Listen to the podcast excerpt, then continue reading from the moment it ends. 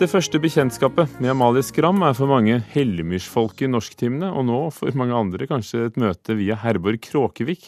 For i kveld er det premiere under Festspillene i Bergen på Skram versus Kråkevik, en litterær kabaret på Den nasjonale scene. Og der står du, Herborg Kråkevik. Hvordan ser det ut? Ja, nå sitter jeg ute i foajeen i, um, i teateret. Mitt favoritteater, uh, DNS.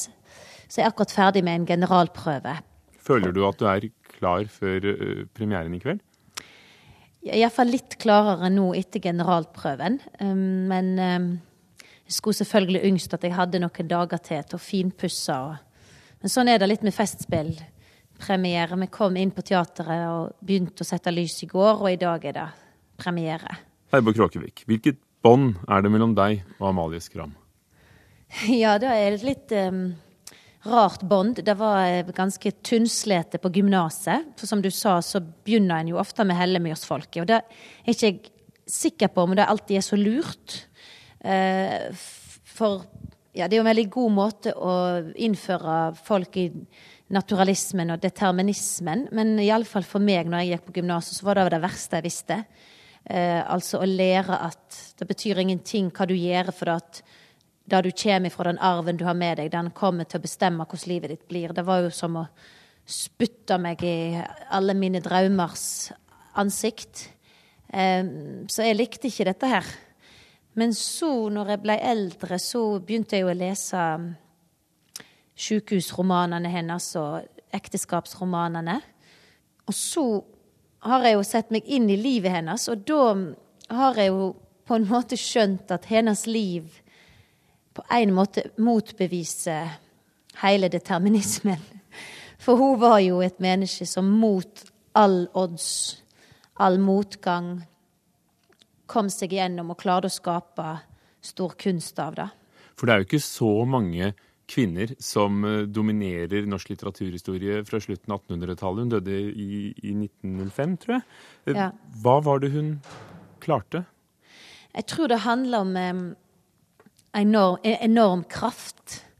Eh, for eksempel rett etter første innleggelse, hun var innlagt på Gaustad etter første ekteskap, så bor hun litt nede i en sørlandsby, har ikke noe særlig eh, omgang med noen intellektuelle. Så klarer hun å bli kjent med Arne Garborg, og så begynner hun å brevveksle med Bjørn Stjerne Bjørnson. Så begynner hun å brevveksle med Georg Brandes, den mektigste åndsmannen på den tida.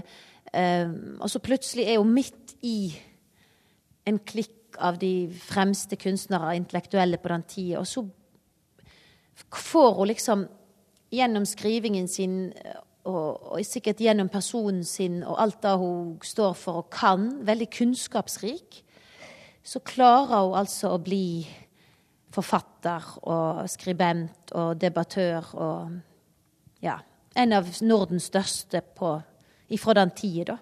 Og de brevene hennes er det du og, og, forfatter og instruktør Morten Borgersen har dykket ned i.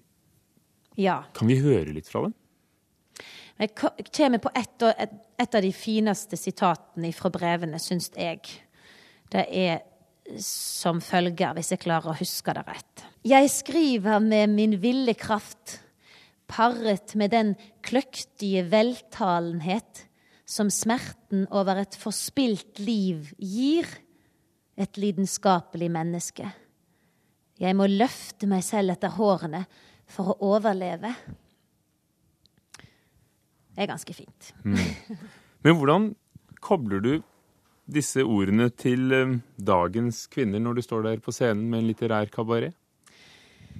Ja, det vi gjør i forestillingen, er jo at vi bruker en del um, av mine kommentarer at jeg innimellom spiller små scener i hennes liv og scener fra bøkene hennes, så bryter jeg ut i irritasjon eller glede eller over ting, da, og snakker om ting i vår tid. Men Herborg Kråkevik, hva er en litterær kabaret?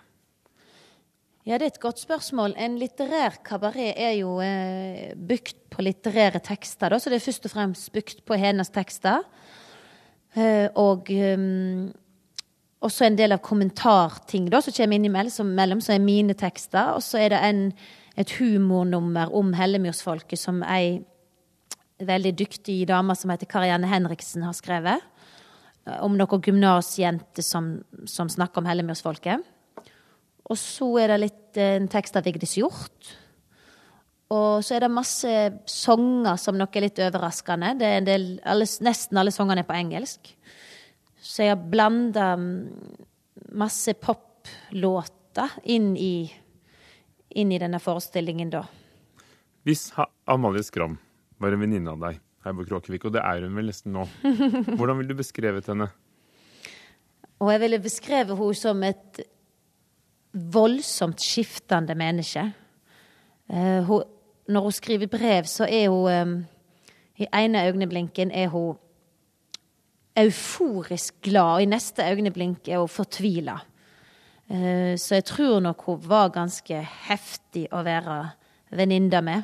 Hulda Garborg var jo god venn med henne, og hun har skrevet om hvor vanskelig det var, men òg hvor vidunderlig det kunne være når hun var på toppen, da. Takk skal du ha, Herborg Kråkevik. Og Herborg Kråkevik versus Amalie Skram har altså premiere på Den nasjonale scene, der du satt nå i kveld under Festspillene i Bergen.